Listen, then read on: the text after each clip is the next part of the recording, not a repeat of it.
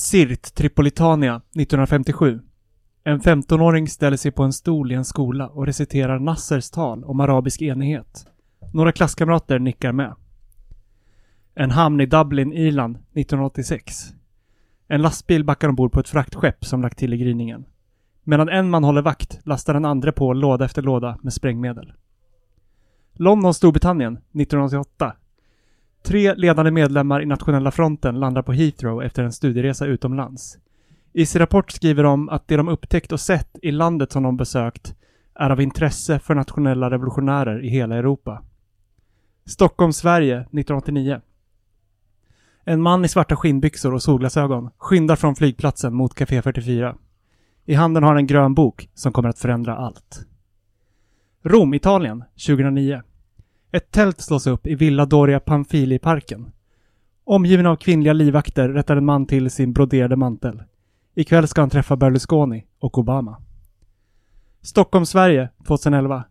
En vänsterpartistisk riksdagsman fingrar på knapparna framför sig. Röd eller grön? Jo, men NATO lovade ju att det bara handlar om att skydda civilbefolkningen. Det blir grön knapp. Sirte, Libyen, 2011. En grupp beväpnade män släpar en man ut ur det avloppsrör där han gömt sig. De stoppar på sig hans guldpläterade Browning-pistol. Kan ni skilja på rätt och fel? pläderar mannen. Hur hänger allt det här ihop? Jo, brygg en kopp grönt te för idag så lagar Komintern stekta gröna tomater. Komintern.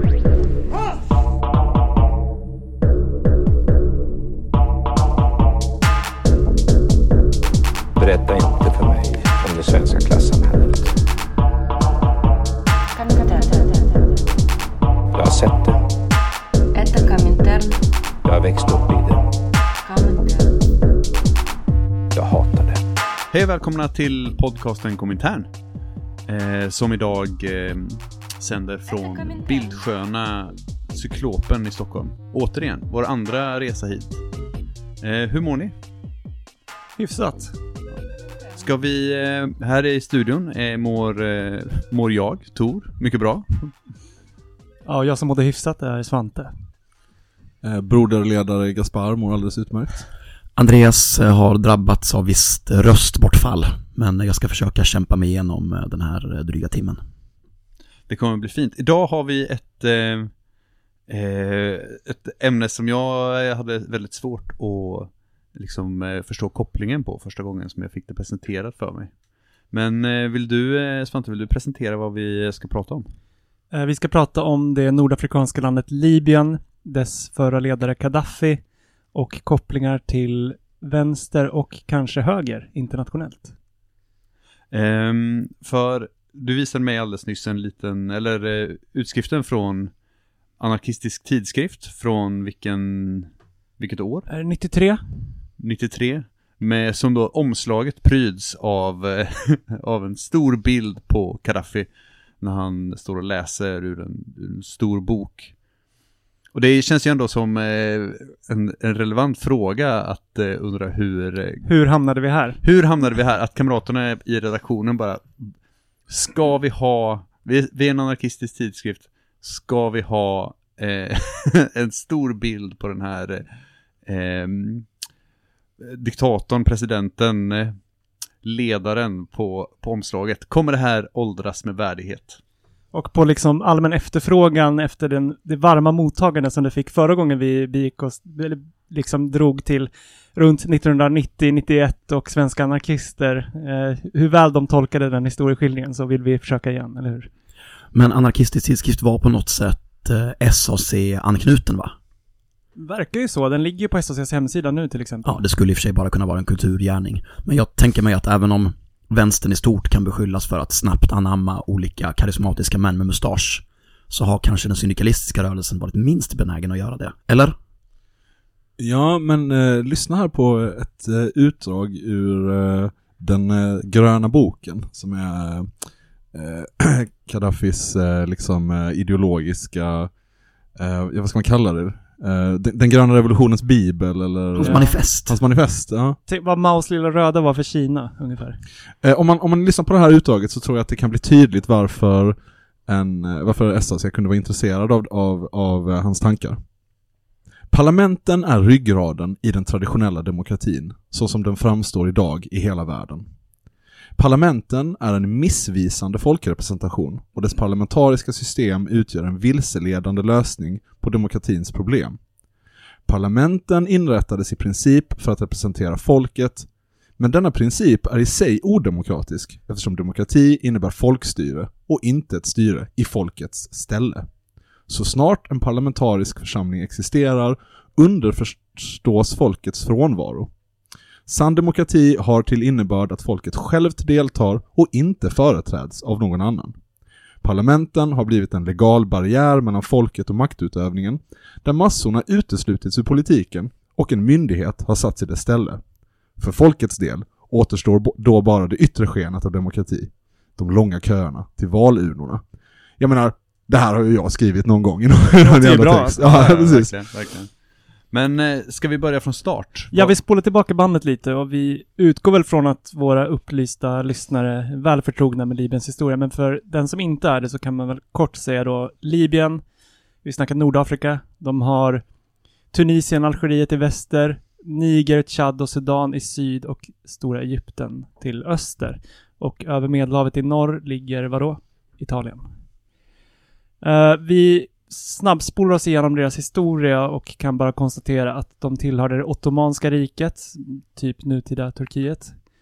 Eh, från 1500-talet och framåt, som då tre provinser som inte hette Libyen. Eh, 1911 kommer Italien på att fan, alla bra kolonier i Afrika är typ tagna. Vi borde också ha någonting. Eh, man drar in då i Libyen, bombar bland annat coolt nog med luftskepp. Eh, de krigar även då efter att turkarna dragit sig ur med bland, ökenfolk i Libyen. Eh, Italien blir fascistiskt och det på typiskt fascistiskt manér så formuleras en dröm om den så kallade tredje kusten. Eh, vilket då ska vara Libyen. Eh, så 39 införlivas de här tre provinserna med Italien och där kommer då namnet Libyen första gången. kan sägas eh, en intressant eh, historisk bara fotnot är att det lanseras delvis som ett antirasistiskt projekt av den fascistiska staten. Eh, vilket jag tycker är så himla spännande, eller så här, det, är så, det är så weird eh, nu. Men eh, ja, det gjorde det i alla fall. Så för, för att liksom befria de, de förslavade liksom svarta afrikanerna från eh, den, det arabiska skräckväldet liksom. Men visst är det så stark futuristisk fascist-touch på det här med tredje kust? det är tredje Ja, kusten. alltså, Klatschigt. Den tredje namn. kusten, det fascistiska antirasistiska projektet. Det är många spännande liksom. Ja. Jag, jag vill också bara, eh, om man ska ha tre, okej nu blir det väldigt mycket treor här, men om man ska ha tre grejer i en spaning, så har vi ju, då är ju fascismens nummer är ju tre i så fall. Det är den tredje vägen, det är tre procentare och det är den tredje kusten. Vad är tre procenterna? Tre procentare är en så fascistmilis i USA. Ja, ja. Mm, mm. Eh, andra världskriget kom ju Italien få pisk då i sin lilla tredje kustkoloni, Libyen. Och överallt annars också. Ja, exakt. Frankrike och Storbritannien glider in och ockuperar. Eh, de plockar dit en kung, Idris den första. Eh, det blir typ, typ monarki. Sen 59 så hittas någonting under sanden som gör att det här lite halvt bortglömda stället blir något mer intressant då för typ Storbritannien och USA. Man hittar olja och riktigt bra olja också, har jag förstått. Typ bland den bästa oljan som finns. Uh, nu blir USA och Storbritannien jävligt intresserade av att ha militärbaser och grejer där. Och uh, det fixar man genom eh, så kallade personliga bonusar till olika regeringstjänstemän. Så premiärministern mottar en personlig bonus på en miljon dollar. Så kommer det genast en amerikansk militärbas dit. Ja, ni fattar hur det går till. Det är ändå den, den minst liksom eh, sofistiska omskrivningen av bara rakt av korruption som jag har hört eh, på ganska länge. När man bara, vi vill, inte, vi vill inte använda ordet, vi vill helst inte använda ordet, eh, men vi orkar liksom inte komma på någonting bra att säga istället, utan vi, vi säger, ja men precis samma sak fast med, två ord istället för ett. Då ska vi väl låta vår huvudperson för idag komma in på scenen, Gaddafi. Eh, Skulle vi säga någonting om eh, det här namnet, Muammar al-Gaddafi? Gaddafi, Gaddafi, Gaddafi. Ja. Men det, vi- vi vill ju inte, eh, alltså helt oironiskt så vill vi inte göra oss skyldiga till någon slags orientalism liksom. Ehm, men eh, vi, jag tycker vi borde enas om ett sätt att uttala namnet så att det inte blir, eh, Ja, jag har alltid jobbat K-ljud, Gaddafi. Mm, Gaddafi funkar. då, Mm. då håller vi oss till det. F- föds 42, då nära Sirte. Eh, nomadfamilj kommer han från. Eh, han går i skolan så älskar han Nasser som är ledare för den egyptiska revolutionen och som har lanserat arabsocialism. Eh, den unge Gaddafi lyssnar alltid på honom i, på radio. Han memoriserar typ hela tal och blir känd på sin skola för ofta att flyga upp på en stol och hålla ett helt Nasser-tal. Eh, Fett. ja, och, Och lite störigt. Lite störigt, men vissa liksom attraheras av det här, tydligen. Så när han är typ 15, då börjar han samla en krets av polare runt sig. Och sen så lägger han fram en idé som kan låta galen, men som faktiskt då blev sann. Och det är, hörni, vi ska alla bli militärer och sen ska vi smyg förbereda en revolution, eller statskupp beroende på vem man frågar då. Eh, och så ska vi skapa ett nytt eh, arabiskt eh, socialistiskt Libyen i Nassers anda. Så alla hans polare och han går in på Arméhögskolan. De studerar där och bidar sin tid. Eh, 69, när han är 27 då. Då är kung Idris i Grekland på spa som en typisk jävla korrupt eh, eh, kung och chillar med sin fru. Eh, då är Gaddafi och hans kompisar, eh, som nu då är i 20-årsåldern, tillsammans med 70 pers. På två timmar går de och tar över alla polisstationer, kungliga palats och så vidare. Sen har de rätt tur att eh, regimen i Grekland tycker att det här är en ganska bra grej. Så de, de vet att Idris har bara en telefonlina in till sitt spa. Så de kapar bara den linan. Så att han ligger där i badet och är helt ovetande. Eh, ingen dör, liksom ingenting. De, direkt så upplöser de militärbasavtalen med USA och Storbritannien. 20 000 italienare sent packing hem till Italien. Och sen utropar de då ja, arabiska socialistiska Libyen. Fick de göra det här? Det låter ju helt... Eh, eller så här. Fick för vem? Jo, jo, eh, okej, men för de här 20 000 beväpnade italienarna. Jag vet fan om de var beväpnade, det är väl det som är grejen. Men Nej, var, de inte, var det inte militärbas? Nej, men det spännande med den italienska gruppen eh, i, eller de italienarna i Libyen är ju att de är liksom, de var väldigt mycket naturaliserade medborgare liksom, som jag har förstått saken. Eller i mycket mer än att de var, alltså att det, i andra kolonialiserade länder så, så levde liksom, kolon, eller de, de västmänniskorna som bodde där liksom som någon slags övre skikt högst uppe på, och tittade liksom ner på samhället. Men italienarna var mer integrerade på något sätt. Och hade levt där i generationer, ibland långt, långt innan. Alltså det, Libyen ligger ju ganska nära Italien rent geografiskt, så det, det gick ganska djupa rötter dit. Så jag vet inte i vilken utsträckning de var liksom en, eh, en ockupationsmakt, att man ska tänka sig att de här 20 000 italienarna alla var tungt beväpnade militärer. Det kanske mycket var så näringsidkare av olika slag liksom. Men, men amerikaner och britter då? Tyckte de att så här, ja, jaha, nu blev det så här. Vi, Ja. vi åker hem. de blev inte så jävla glada kan man tänka sig. Men folket i Libyen, alltså om man tänker sig på den här beskrivningen.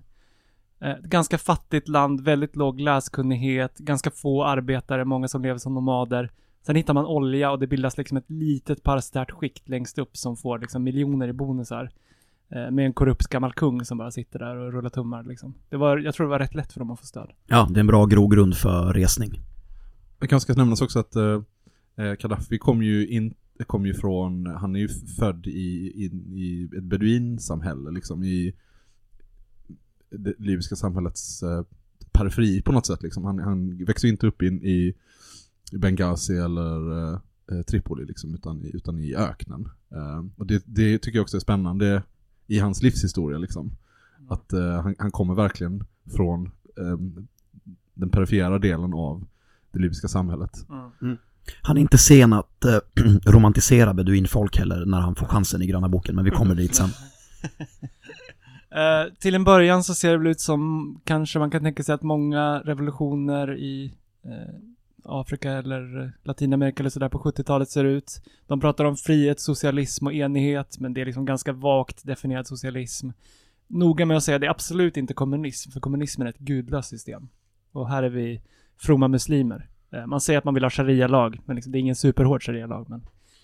Det är inte, Gaddafis sharia-lag är liksom annorlunda än Isis sharia-lag. Ja. Men han, han jobbar ju också med begreppet tredje vägen. Eh, som är då eh, islam och socialism, typ. Ja, precis. I efterhand så kan man ju se att han försöker lite grann navigera mellan de två supermakterna, Sovjetunionen och USA. Och liksom karva ut en egen liten väg där. Och sen så är det ju det här med att Libyen är till stor del ett stamsamhälle, så man måste ju lite grann förlita sig på dem. Och då passar det väl kanske bra att presentera sig just som, trycka på att man är muslim, att det ska vara ett islamstyre och sådär. Men också som Nasser då, arabsocialistiskt. Och vi ska ena alla arabiska länder och sådär. Ja, och eh, islam nämns väl inte alls i den gröna boken, utan den är ändå presenterad som det här är vägen för alla jordens Det är en folk. universell, ja precis. Ja. Ja. nu kommer vi till gröna boken, för än så länge ser det ju som sagt då typ hyfsat normalt ut om man får säga så, för en antikolonial revolution. Eh, Efter några års styre så börjar väl Gaddafi, kan man tänka sig, funderar på om inte de ska ha en egen ideologi som också uttrycker den här navigationen mellan supermakterna. Och då kommer ju det här begreppet Jamahiria, eller massstyre. Och han börjar författa några skrifter som sammanställs till den så kallade gröna boken. Mm. Och jag har läst den gröna boken. Jag tänker att jag gör en snabb genomgång av den så får ni fylla i när ni tycker jag missar någonting, för det kommer jag göra. Jag har inte lusläst den. Sen jag var tonåring vill jag säga, för min Ung Vänsterklubb mejlade libyska ambassaden och beställde en handfull gröna böcker. Och fick dem. De var generösa med att skicka ut gröna böcker. Det var de. Eh, men eh, om jag ska vara lite kritisk eh, så hade Gaddafi behövt en strängare redaktör. Därför att den första delen är onödigt rörig, tycker jag. Han gör det väldigt svårt för sig och kanske på ett sätt som jag kan förstå är attraktivt för, förlåt Tor, en anarkist.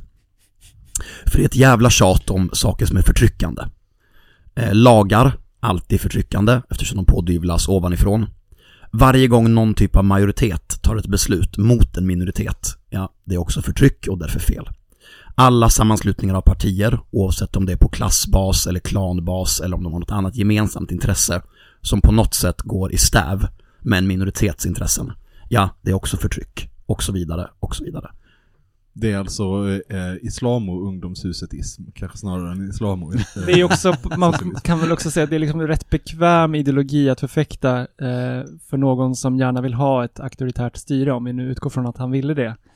Eh, om man säger att, som han skriver i gröna boken, folkomröstningar är bara bluff och fake. Eh, vad är pressfrihet för någonting? Det är ju bara att någon person uttrycker sin åsikt och så vidare. Så det låter ju rätt bra, men det kan ju också vara en översättning för eh, låt oss göra oss av med pressfrihet och folkomröstningar och demokrati. Eh, Men precis som du var inne på Gaspar tidigare så är det ett hänsynslöst eh, fördömande av parlamentarismen. Det tar upp ganska mycket plats och jag hade tänkt läsa samma stycke som du läste tidigare. Eh, Han är emot. Det är den, eh, eh, det enda som återstår är det yttre skenet av demokratin, den långa köerna till valurnorna och så vidare. Eh, Han förespråkar istället någon typ av folkkommittéer och direktdemokrati. Nu kommer ett engelskt citat. komplicerat system att förstå, eller hur? Ja, men han skriver så här. No two intelligent people can dispute the fact that direct democracy is the ideal. But until now, no practical method for its implementation has been devised. The third universal theory, det är alltså hans teori. However, now provides us with a practical approach to direct democracy. Och då blir man ju jävligt nyfiken, eller hur? Obs att den tredje universella teorin också alltid skrivs med versaler på första bokstaven i varje ord. Givetvis, givetvis. Jag tänker lite på, jag har för mig att det är Zizek som har sagt det, att problemet med direktdemokrati är att vanligt folk vill inte sitta i möte varje dag. Och kanske hör man ibland i teknologidiskussionen att nu finns första gången förutsättningen för en genuin direktdemokrati. Man blir jävligt nyfiken på vad Gaddafi kom på. Mm. Och det här kallar han för Jamahiria och det är ju nu på något sätt Gaddafi kommer in i sin feelingfas när han får jävligt, jävligt bra feeling. Eh, han hatar ju lagar som sagt. Eh, 74 så avskaffas lagar och ersätts av revolutionära dekret. För mig låter det lite likadant men... Eh, Det är lite semantism menar du? Eh, De byter namn på månader. Eh, 75 så avgår Gaddafi som ledare, för ledare är ju odemokratiskt. Istället så blir han, eh, lite olika beskrivningar, men eh, citat, filosof, eller den inspirerade, eller inspiratören, eller då mest använt broderledare. Så han är broderledare istället för bara ledare. Precis, han är ju inte då någon så här via den här hemska förtryckande demokratin utsedd person, utan han är bara en filosof som chillar lite bredvid och ger råd. Mm. Och sen Eh. finns det polis som, som liksom implementerar hans, Nej. hans råd i... Nej, polisen är avskaffad. Okej, Ja, den är okej. Den är, den är ersatt med, med broderledarens eh, milis. Okej. Men okej. Så Ja, du, behöver- du behöver inte oroa dig, det är lugnt. Sen byter man då flagga till den som man kanske såg om man, som jag gick i skola på 90-talet, den helgröna flaggan, symboliserar den gröna revolutionen. Eh, byter namn till den något omständliga socialistiska, folkliga, libyska, arabiska Jamahiria. Eh, och eh, hittills efter revolutionen så har något som heter Revolutionära kommandorådet som är typ ett gäng av hans soldatpolare styrt. Eh, Nu upplöses det och så ska de här folkkommittéerna styra. I teorin. Och, de här folkkommittéerna får då stöttning och guidning från eh, revolutionära råd som inte har någon eh, officiell politisk makt. Eh, men som eh, är närvarande och stöttar och hjälper på olika sätt. Kanske när det blir oordning i dagordningen. Eller, eller så. Jag måste ändå säga att jag har tittat lite på eh, de här folkkommittéernas organisering då. Jag tänker att vi lägger upp en bild ur boken på illustrationen på vår Instagram, podd också. Det är ju olika nivåer av kommittéer med valda sekretariat som ska utgöra nationens administration. Alltså det låter ju väldigt likt eh, bolsjevikernas sovjeter eller eh? Rojavas demokratiska konfederalism. Alltså det är ju, det är ju gammal skåpmat i ny förpackning får man säga. Mm. Och det är väldigt mycket sådär ordvrängningar kan man känna med att folket ska inte eh, styras eh, av någon annan utan styra sig själva och bara vara folket. Och i bostadspolitiken så är det liksom att eh, man får inte äga där någon bor, man ska äga där man själv bor och liksom, ja, sådana saker. Men det är också så att han inför internationell tv bullrosar ner eh, eh, fängelsemurar och grejer, liksom att fängelse avskaffas. Så att han använder ju verkligen alla, eller fängelsen avskaffas, nu gör jag liksom hartassarna här. Eh, så att men han, han, det är ju inte så att ja men vad ska man säga, liksom han, han, eh, han går ju hela linan ut eh, eh, retoriskt liksom. Det är ju han säger han förfäktar ju asösig, eh, jätteradikal politik. Och det I får ju ord. vissa genomslag också för vanliga libyer. Jag hittade lite statistik. Bara några exempel då. Läskunnigheten ökar från 10% till 90%. Livslängden från 57 till 77 år. Han inför gratis utbildning, sjukvård, subventionerat boende, universitetsutbildning, dubblerar minimilönen, statliga priskontroller, hyressänkningar med 40%, inför krav på samtycke vid äktenskap, förbjuder barnäktenskap, sådana grejer. Så för att vara liksom, om man nu vill använda det ordet, en diktator i Nordafrika så tar han ju faktiskt oljepengarna och fördelar dem rätt mycket bland folket. Det tror jag även hans kritiker är överens om. Eh, Ja, verkligen. Alltså, eh, det, här ska vi ju inte falla in i den, eh, du vet så, CIA-bondskurks, eh, eh, Gaddafi är någon slags så, skojare, liksom, tin pot dictator. Eh, alltså det, det, det är han väl kanske också, men... eh, Men han är inte heller det som Mattias Gardell trodde att han skulle bli. Nej, nej, alltså det är väl helt enkelt en komplex karaktär liksom. Det är väl mer än att han bara är någon sån eh, tredje världen eh, korrupt diktator och han är inte heller någon slags eh, syndikalistisk frälsare. Eh, Bland annat verkar det ju ha varit svårt att få det här engagemanget nerifrån i folkkommittéerna. Så jag tror inte enbart att det handlade om att han ville styra allting med järnhand, även om han kanske ville det. Det var också lite svårt att engagera ett folk som hade levt eh, i stammar och i öknen i det här ganska komplexa nya demokratiska systemet där de skulle tycka till om varenda sak och liksom vara med och fatta varenda beslut. Ja, och det är ju en, te- en teori om ett nytt samhälle som kommer från en liten grupp kuppmakare också. Den kommer ju inte underifrån på det sättet att det är en klassrevolt. Han har ju verkligen suttit på sin kammare och tänkt ut det här. och jag menar det, det kan man väl se tillbaka liksom till jag vet inte, typ Napoleon liksom. Det är jätte, jättesvårt hur snäll man, alltså liksom så snäll man än är och hur klyftig man än är. Att vara någon slags upplyst despot och sen lämna över kontrollen till folket. Typ, det, det funkar inte riktigt så. Alltså, Mm. jag kan inte komma på något eh, historiskt eh, exempel där det faktiskt eh, ägde rum liksom. Eller jag vet inte, typ Nej, jag kan inte komma på något så här på rak arm. Nu rev ni av det mesta under Gröna bokens kapitel om ekonomi. Och det är väl kanske det minst uppseendeväckande kapitlet, tycker jag.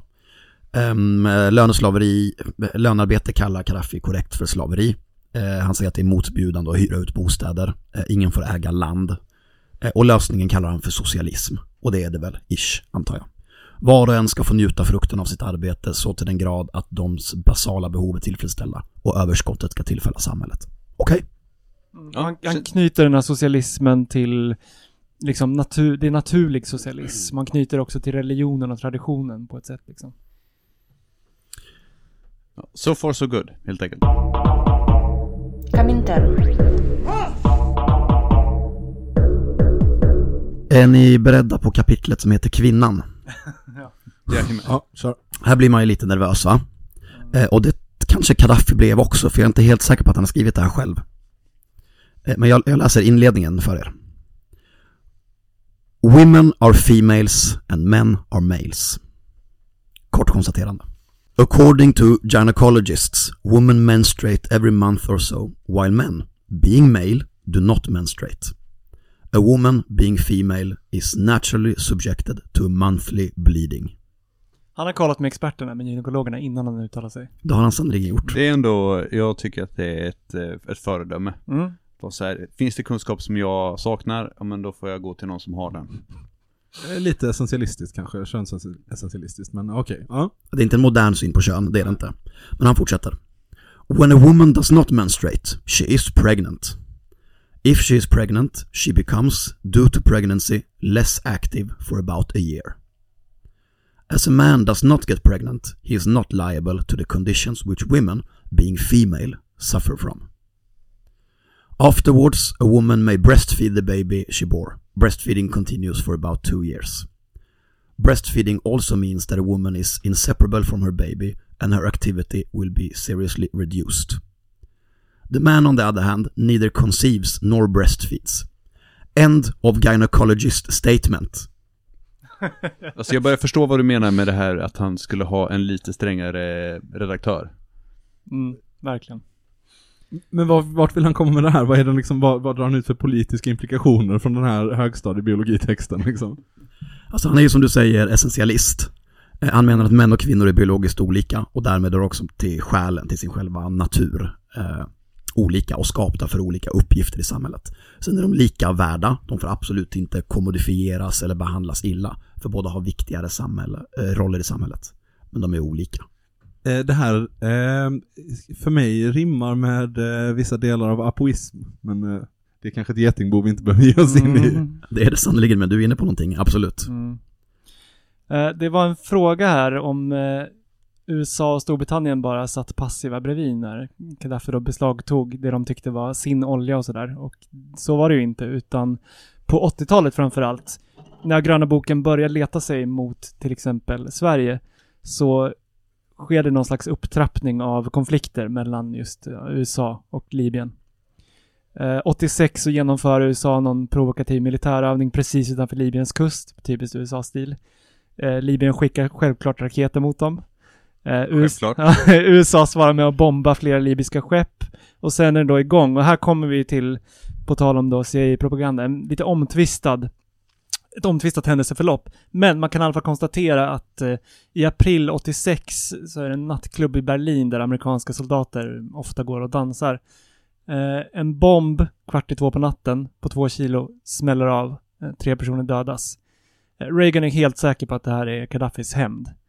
Eh, och som sagt, detta är inte helt klarlagt då, men Reagan sätter igång en operation Eldorado Canyon, typiskt storslaget namn.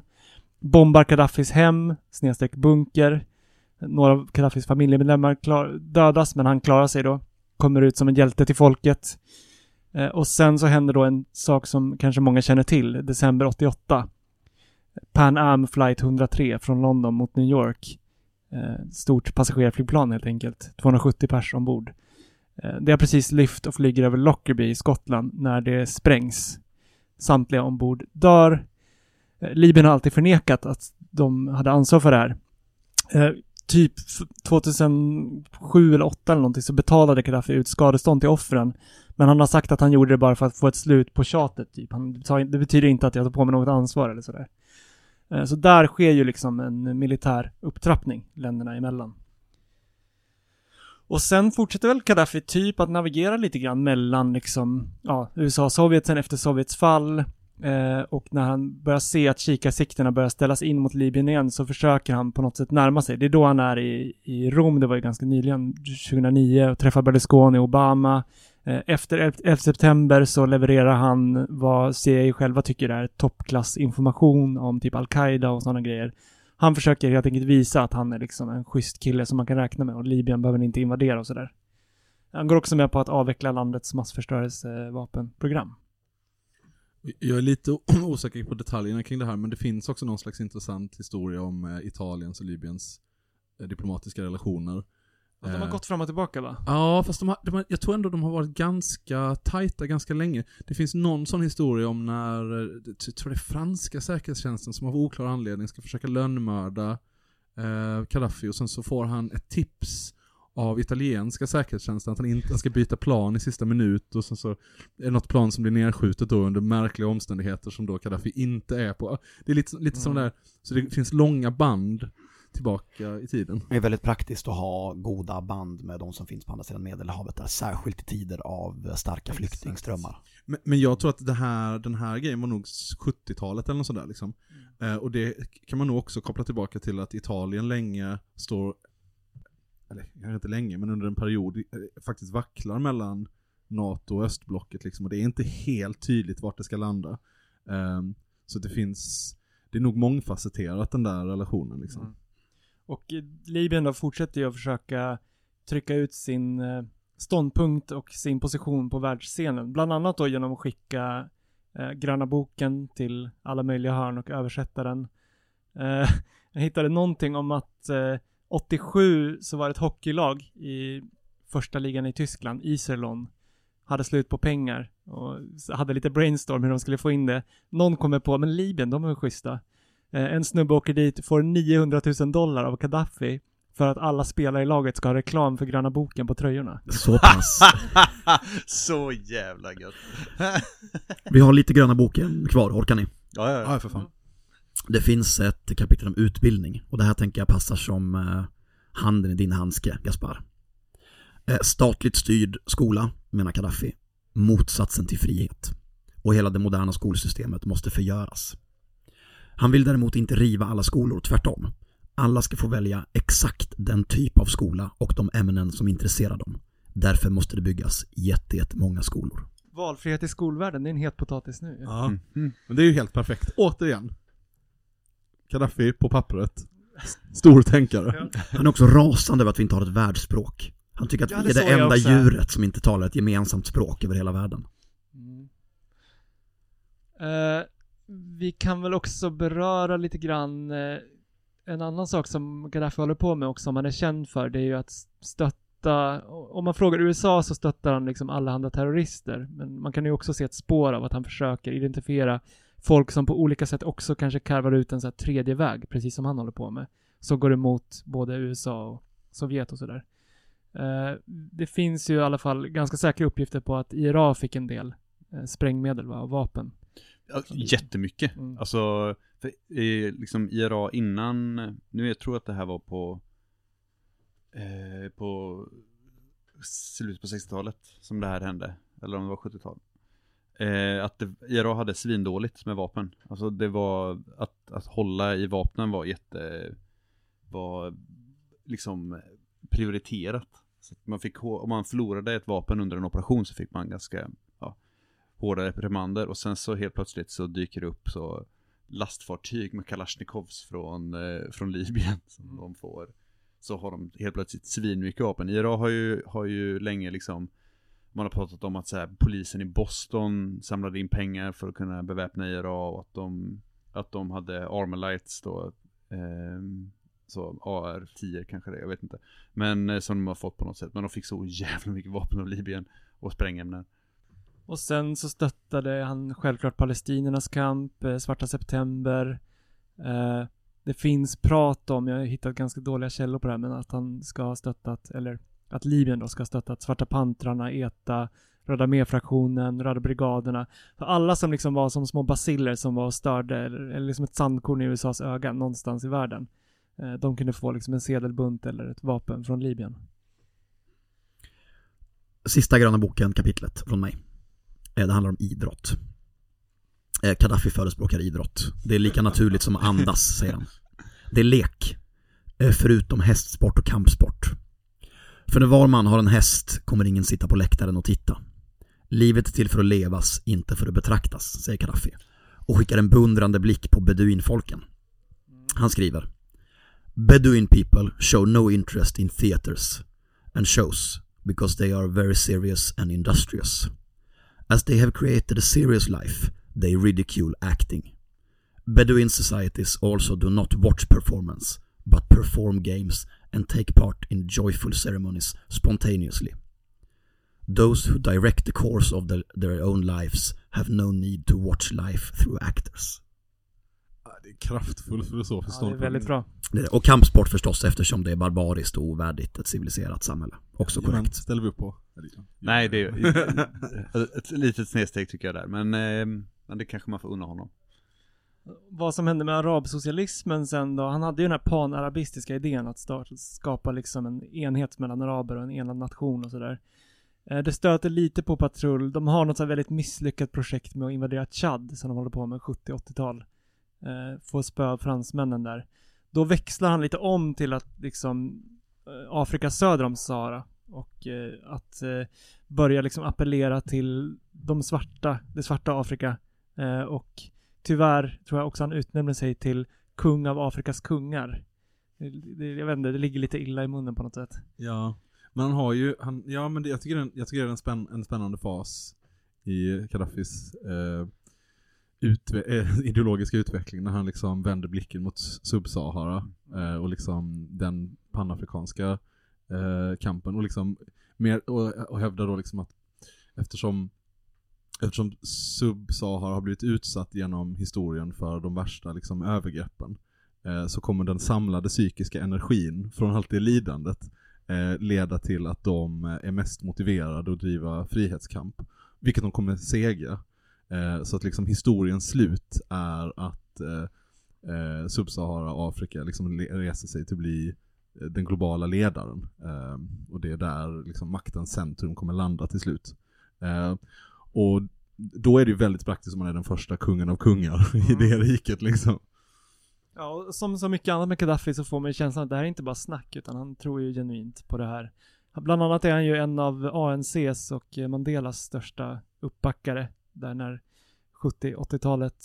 Jag läste att Mandelas barnbarn heter Gaddafi för att hedra detta stöd. Det pratas mycket om Palme, med, i Sverige och ANC pratas det mycket om Palme och att... Eh, Självklart finns det ett Gaddafi-spår där. ja Alltså, precis, mm. precis, vet man. Men för mig är ju Gaddafi, förutom att han skickade gröna boken överallt, alltså de här excentriska besöken på olika toppmöten. Kommer ni ihåg det? Han lever i beduintält tillsammans med sin eh, kår av kvinnliga livvakter. Som ska vara långa och vackra och liksom prima exemplar. Jag, jag tror aldrig jag har tagit det här ordet i min mun, jag tror aldrig jag kommer göra det igen. Men om det passar på någon, han har ju drip. Alltså, så är det ju. Ja, men så är det. Han var inte främmande för en sick burn heller. Alltså han kunde ju göra ner västerländska journalister och politiker. Ja. Eh, Sen han hade ju också en förkärlek för långa tal. Ett, alltså sådär tv-sändningar i libysk tv. När han snackade i åtta timmar. Ett långt tal man minns är det 2009 i FN. När han, han var bara 75 minuter in i talet.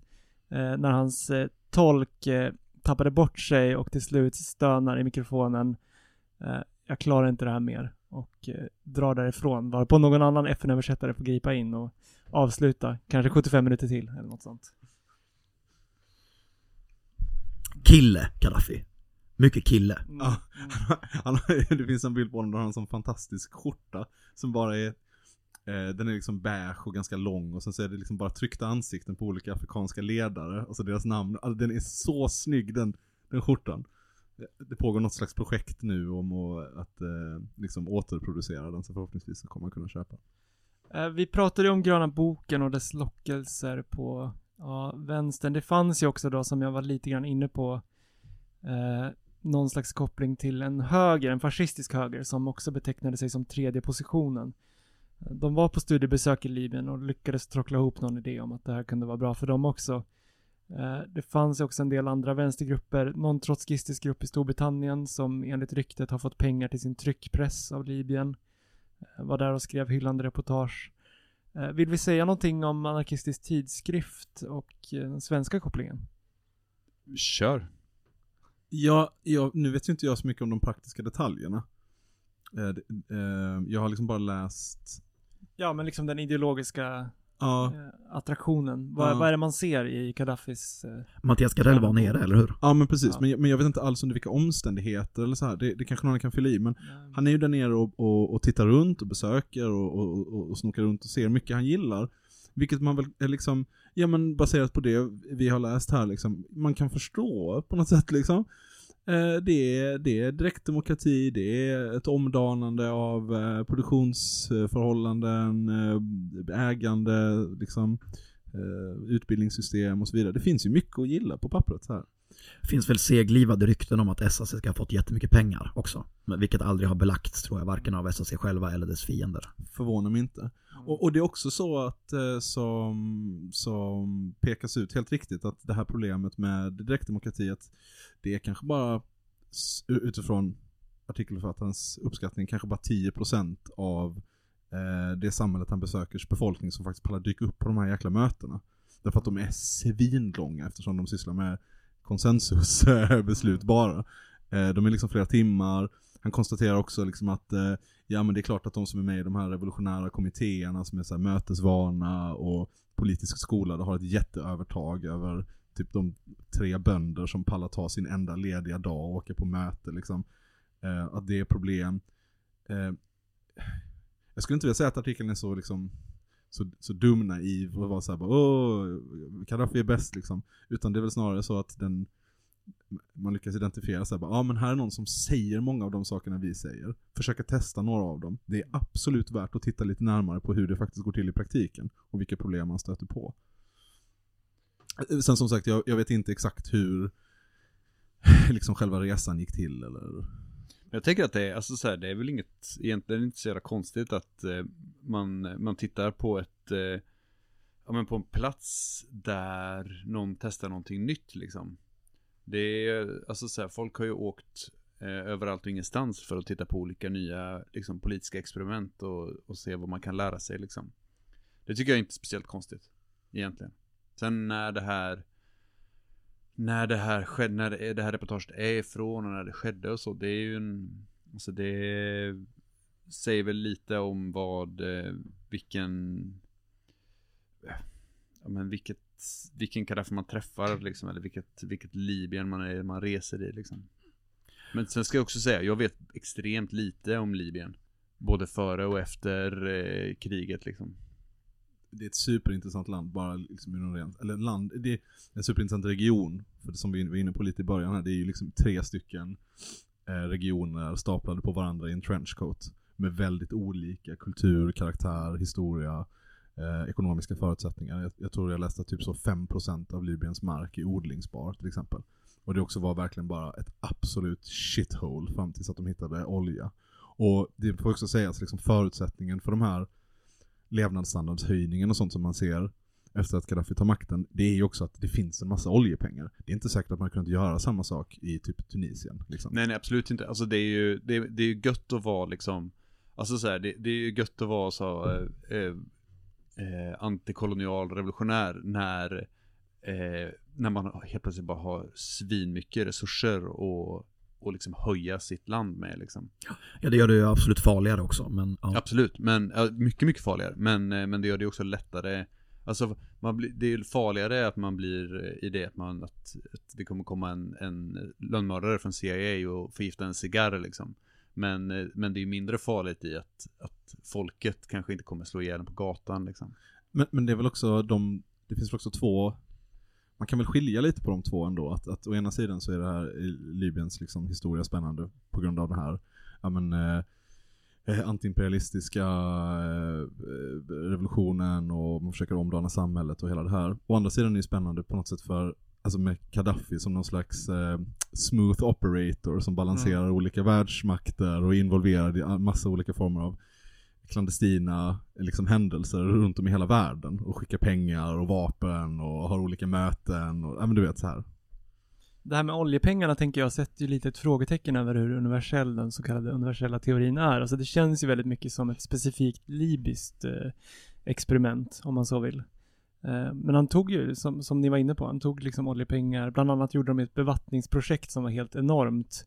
Jag tror att det var det hängde ihop lite grann med den gröna flaggan. För där någonstans byggdes det här bevattningsprojektet och idén var liksom vi ska göra öknen grön och sådär. Mycket sympatiska saker. Men han är ju också då i, i gröna boken eh, vad man kanske med någon slags modernt marxistiskt språkbruk skulle kalla för han är kritisk till statskapitalismen. Han menar att i Sovjet, i kommunismen, där går det fortfarande till jobbet, men det är bara staten som äger företaget istället. Och vi borde äga själv. Och sen så blir det ganska förvirrande när han säger att huvudregeln är att den som konsumerar är den som producerar. Jag får inte riktigt ihop det där. Någon sorts självförsörjningstanke Ja, liksom. det kan väl vara så.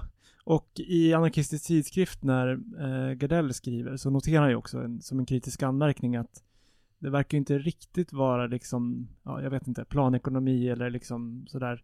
Utan många företag drivs tillsammans med utländska företag. Och jag tror också att på 90-talet så fick eh, internationella oljebolagen komma tillbaka in i Libyen igen. De fick säkert betala mycket mer än på många andra ställen. Men eh, det var liksom, löneslaveriet pågick fortfarande. eh, Skriver Gardell till exempel på sina ställen. Vi kan väl göra en liten passus eh, om eh, en av Gaddafis tio barn. Är det väl han har. Eh, ingen diktator utan en failson skulle man kunna säga. Och berätta lite kort om Al-Sadi Gaddafi, tredje sonen då. Eh, En fotbollsspelare. trea igen. Ja, exakt. Eh, fotbollsspelare i Libyen, självklart då kapten för libyska fotbollslandslaget. Som bäst medioker. Ja, precis. Vi ska komma till det. Ett telegram från USAs ambassad 2009, ett sånt där läckt tror jag, beskriver honom som familjens svarta får, känd för att missbruka droger och alkohol, överdrivet festande, otaliga affärer med kvinnor såväl som män. Eh, Men 2003, 30 år gammal, så får han då, kanske lite överraskande om han är en ganska medioker fotbollsspelare, ett kontrakt med Perugia som spelar i Serie A i italienska ligan. Eh, Man kan... Italien-kopplingen där. Ja, man kan tänka sig att pappa kanske la in ett gott ord. Eh, vad har man för teknisk konsult om man vill bli bäst på fotboll? Självklart Diego Maradona. Eh, vad har man för personlig tränare? Ben Johnson, OS-guldmedaljör i 100 meter löpning. Två män som inte helt är främmande för överdrivet festande. Exakt. Och inte heller kanske för lite extra skjuts i träningen. Eh, fotbollskarriären i Italien då för Al-Sadi, Gaddafi, eh, den eh, går totalt 15 minuter lång. Eh, han byts in i en match, antingen lite pliktskyldigt, sista 15 minuterna, nuddar knappt bollen, direkt efter den matchen diskvalificerad för dopning. Men visst lirar han för en klubb till sen va? Jag tror att han fortsatte lite grann sådär, men La, La Repubblica, italiensk tidning, beskrev hans insatser på planen som citat Även om han skulle springa dubbelt så snabbt skulle han fortfarande vara långsammare än långsamheten själv. Jag tror att han får ett till liknande eh, kontrakt med en annan italiensk eh, klubb. Där det eventuellt eh, pengar, libyska pengar Han har bytt något. ägare. Ja. Måste blev en kvart till där innan han flög hem tror jag. Comintern. Ja, ska vi säga någonting om slutet på epoken Gaddafi, kanske? Det tycker jag. Jag tycker att den är, alltså för det, det dök ju upp i, i samband med arab, det är liksom arabiska våren utifrån, vad man ska säga.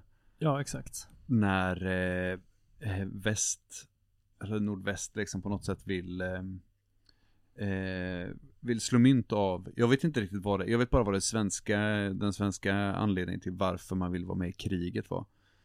Eh, jag tänker att han bara kanske hade retat eh, liksom tillräckligt många Mm. eh, olika västmaktsledare på ett rent personligt plan för att de bara, nej men nu får, nu får det fan vara, nu får det fan vara bra alltså. Det finns en förklaringsmodell som jag inte är helt bekväm med att liksom lägga ut detaljerna kring. Men, och den är väl så här quasi-konspiratorisk, liksom klassisk så amerikansk vänster-take på saker.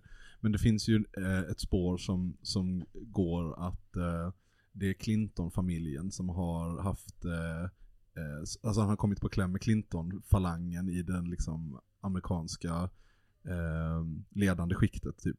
Eh, och att det är de som driver väldigt hårt att han ska bombas bort. Och sen så i någon sån amerikansk eh, internpolitisk eh, deal så får de mer eller mindre eh, grönt, eh, liksom grönt ljus och döda eh, Gaddafi i utbyte mot något annat. Liksom. Eh, och det kanske ligger någonting i det. Liksom. Eh, Vi men jag vet, ju att, Clint, alltså att Hillary Clinton då var i alla fall drivande där. Hon hade något möte med någon sån där oppositionell som lovade guld och gröna skogar och det här ska bli ett nyliberalt paradis och sådär. Sen ska hon ha kommit ut från det mötet och bara sagt okej, vi bombar. Men eh, förmodligen så är det väl bara att man vill ha oljan. Det känns Man vill ju inte tillskriva individer för stor roll i historien, men när det kommer till Clinton-familjen så vet man ju att de är fruktansvärt blodtörstiga ödlor. Eh, Men alltså det var ju i alla fall arabisk vår, det var i alla fall protester i Libyen, det vet vi ju. Alltså folk var väl, det var kanske inte samma liksom passionerade hat i Libyen som i en del andra länder. Som sagt så hade man ju ändå en hyfsad levnadsstandard och sådär. Men absolut så fanns det ju genuina folkliga protester eh, mot Gaddafi-regimen. Eh, de här tog ju då tyvärr ur USAs synvinkel eh, inte fart. Och det var ju då som NATO och FN kopplades in eh, med en väldigt begränsad eh, resolution i säkerhetsrådet som jag tror att typ Kina och Ryssland avstod från att rösta i. Eh, där man bara skulle bomba för att skydda civilbefolkningen för att det la- lades så fram utan några direkta bevis eh, fram eh, att eh, folkmord pågick och sådär. Men i, för svensk del i alla fall så var det ju för att man ville, ehm, man ville kunna sälja JAS. Alltså Ja, ja. strids, stridsflyg. Att man var så okej men det här flygplanet som vi har byggt nu i 30 år, det är inte, det har aldrig liksom testats i, i eh, faktisk konflikt liksom. Så därför ville man helt enkelt stridstesta JAS för att kunna säga att det var, att det var gjort liksom. Men till vänsterpartisterna i riksdagen så sa man nog att det handlade mer om mänskliga rättigheter och stoppa folkmord. Ja, ja, garanterat. 100%. Så FN eh, röstade igenom det här. NATO nästa dag börjar då köra på med bomber. Eh, inte för att skydda civilbefolkningen utan då i strid mot FN-stadgan ger sig in i inbördeskriget och börjar bara gå loss på Gaddafis-sidan. Eh, inströmmar då massor av eh, islamister. Eh, det här är liksom våren, sommaren 2011. Eh, Gaddafi drivs på flykt. Han återkommer till sin gamla hemstad Sirte som är liksom ett fäste för honom, eller Sirt. Eh, där han då, hans konvoj bombas av franska plan tror jag. Sverige har varit och spanat innan. Eh, sen kommer det ett gäng islamister, han gömmer sig i ett avloppsrör. Väldigt tragiskt slut. Sodomeras med en bajonett, torteras, dödas. Och sen gör Michael Bay filmen Benghazi 13 timmar.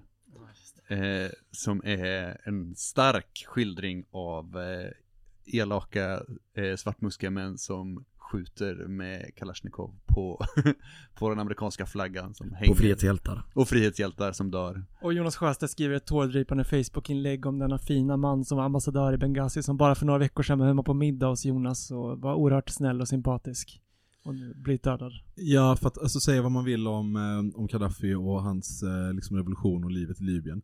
Eh, nu, efter att han är liksom eh, mördad och bortplockad och bortbombad, så är ju Libyen kanske typ så topp tre sämsta platserna i världen att leva på. Bara så eh, ren och skär jävla grottondska eh, härjar och. Slavmarknader som McDonalds i varenda jävla stad liksom. Ja, bara nattsvart misär på ett sätt som är svårt att överhuvudtaget få något slags grepp om liksom.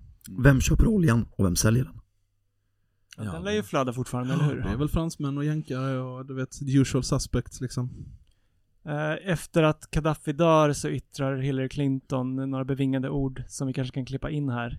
Yes, we came, we saw, he died. Alltså de är så onda den familjen. Ja, det är... Eh, Men vi ska ju inte glömma då, det lite fina i kråksången, det är ju då att det är ett steg framåt för kvinnorna. För som Daily Beast, också amerikansk tidning, noterar efter Gaddafis död, eh, citat, that a diplomatic team led by Hillary Clinton, Susan Rice and Samantha Power advocated military action against Gaddafi may be a footnote in the Libyan conflict, but it is, is a significant mark of our nation's evolution. Framsteg för USA, det är kvinnor nu som bombar. Ah, fy fan vad vidrigt. Undrar hur det här framsteget eh, blev för libyska kvinnor. Eh, Ja, men det vet vi väl ungefär. Det är, ja, som sagt, fruktansvärd misär. Ja, är ni redo för lite quiz? Ja men det är vi va. Det här var. Gaddafis rise and fall på en timme ungefär. Mm. Eh, vi vet ju att Squid Game är poppis nu, så jag tänkte introducera lite av en barnlek, hemmasnickrad sådan här för er i studion och tittarna där hemma, eller lyssnarna, får såklart gärna vara med också. Eh, jag vill börja med att fråga er, eh, när ni tar till er idéer, gör ni det för blotta glädjens och njutningens skull?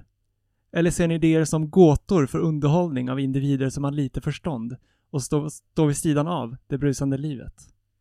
Nej, det tror jag inte ni gör. Och om ni inte gör det så är tänkaren Gaddafi något för er. Eh, det här är från baksidan på gröna boken. Okej. Eh, leken heter grönt, rött eller gult. Ni Nu blir det moralpanik i, i eh, skola i Göteborg igen. Mm, den här leken är ju förbjuden nu Svante. Ja, just det. Mm, men okej, undantag. Eh, grönt är eh, ett Gaddafi-citat. Rött om ni tror att det är Maus lilla röda. Gult, något annat. Som kan vara lite vad som helst. Eh, vi börjar, värmer upp lite, kanske lätt, vi får se. Så här lyder citatet. Vi kan lära oss det vi inte vet. Vi är skickliga inte bara på att förinta den gamla världen, vi är också skickliga på att bygga den nya. Grönt. Ja, det är grönt. De två såg så självsäkra ut så ja, ja, jo, jag Det tar är väl grönt faktiskt rött, det är Maus lilla röda. Nähä. Mm. Mm, nästa. Vi arbetar för en värld byggd på den demokratiska socialismens principer om frihet, jämlikhet och solidaritet. Det är en klasslös värld, utan över och underordning, utan könsförtryck och rasism. Gul. Gult. Gult tänker jag också. Ja, det är gult. Det är ur Handelsanställdas förbunds principprogram 2021. Klasslösa samhället. Eh, här tror jag att ni plockar, om ni har lyssnat noga medan vi har pratat. De som själva bygger upp sina liv behöver inte vara åskådare till hur livet framställs av skådespelare från teatrarnas scener eller biografernas vita dukar. Grönt. Ja, det är grönt. Det är Absolut grönt. Eh, nästa. De flesta nationalstater assimilerar folks kulturer. Det har legitimerats med saker som att det skulle bli för dyrt att översätta dokument till olika språk. Eh, Rött drar jag till med. Grönt. Ja, jag tror också grönt. Det är faktiskt Öcalan. Det, ska, det tycker jag är spännande också att, eh, att Gaddafi faktiskt lanserade sin egen kulturrevolution. Det, ja, Okej, Precis. fotnot men eh, Ja, ja. mitten 70-talet där. Eh, vi tar nästa då. Samhällets naturliga lag bygger antingen på traditionen eller religionen. Alla försök att skapa lagar för ett samhälle som inte bygger på dessa två grunder är ologiska och ogiltiga. Grönt. Ja, det är ju grönt eller Det är gult. så grönt. Det är grönt va? Mm. Ja. Jag tänkte att det var en luring att du skulle säga att det var Hitler. Ja. Ja, just det. Curveball. Eh, vad har vi här då? Ingen kan bli representerad. Vi inser att alla grupper är heterogena och att de därför inte kan representeras utan att vissas röster marginaliseras. Representation är en mekanism för att förflytta makt till ett fåtal. En mekanism som inte bara existerar i parlamentariska val utan även i fackföreningar. Gult tror jag. Kunde varit grönt, är gult. Det är gult, det är autonom organiseringsplattform. eh, kanske lätt här. Kvinnan är känslig. Kvinnan är vacker. Kvinnan gråter lätt. Kvinnan är lättskrämd. I allmänhet är kvinnan mjuk och mannen hård, beroende på deras medfödda natur. Grönt. Apo. eh, det är faktiskt Gaddafi. Det är det? Ja. Eh, kontroversiellt här då. Olika typer av boxning och brottning är bevis på att människosläktet inte har befriat sig från ett ociviliserat beteende. Ja, Grönt. det måste vara grönt. Jag tror tyvärr att det är grönt alltså, för jag håller inte alls med om det här. IMF är en större fara för samhället än alla diktaturer tillsammans. Gult. Gult, och vet man vem det här är? inte det Che eller Castro? Det är kamrat George Soros. Aha! Vad så fan. Som har finansierat den här studion. Jajamän.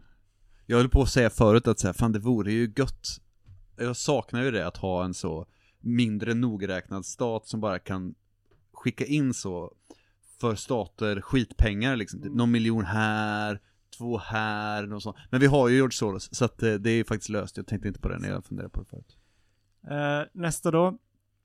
Kina befriades från krigsherrar, affärsmän och utlänningar. Efter 1949 har man delat maten mer rättvist och ingen svälter. Rött. Är det här en curveball igen då? Är, Ja, det, är det inte kan Mao? ju inte vara rätt. Det kan ju inte vara rätt. Nej, jag, jag säger gult. Ja, jag säger också gult. Det är världens starkaste björn, Bamse. Wow, Ah, okej. mm. Mm. Så vi, typ rött. ja, exakt. Lite beroende på när, från vilken Bamse det är. Eh, Vi tar en sista som ni kommer ta direkt tror jag. De tusentals åskådare som fyller läktarna på idrottsplatserna för att se på, applådera och skratta är samma dåraktiga människor som av ren slöhet misslyckats med att själva utöva sporten. Grönt. det låter väldigt grönt. Ja, det är Det grönt. är en friluftsman vid namn Gaddafi. ja. ja, men det gjorde ni bra. Helt okej va? Tack så mycket. Ja. Fint, eh, fint uh, ihopsnickrat quiz där. Du är alltid lika kul när du är med Svante. Ja, Fantastiskt. Vi ska plugga massa grejer.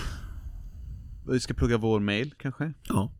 Och eh, att man kan ge oss pengar Patreon. via Patreon, Kominternpodd. Googla de två orden så kommer ni hitta. Man kan, man kan följa Instagram. Det kan man göra, att eh, kominternpodd. Eh, Man kan mejla oss, spott och spe, hyllningar ja. eh, på eh, kominternpodd.gmail.com Vill du plugga något Svante? Det är oklart när det här kommer ut, det kommer dröja lite. En månad ungefär. tidlöst. Det är bra. Jag pluggar min, min näst, nästa framträdande i denna podd inom någon framtid, hoppas jag. Mm. Det ser vi fram emot. Vill du önska outro förresten? Ja, vad har vi på libysk progg? har vi någon, någon sång om ordförande Gaddafis eh, vackra ögon? Det måste det finnas. Vi rotar fram Ja, vi rotar ja, framåt. Gott, Tack eh, Cyklopen-biblioteket också ska vi säga. det ska jag absolut säga. Tack och Ha hej. det bra. Hej hej!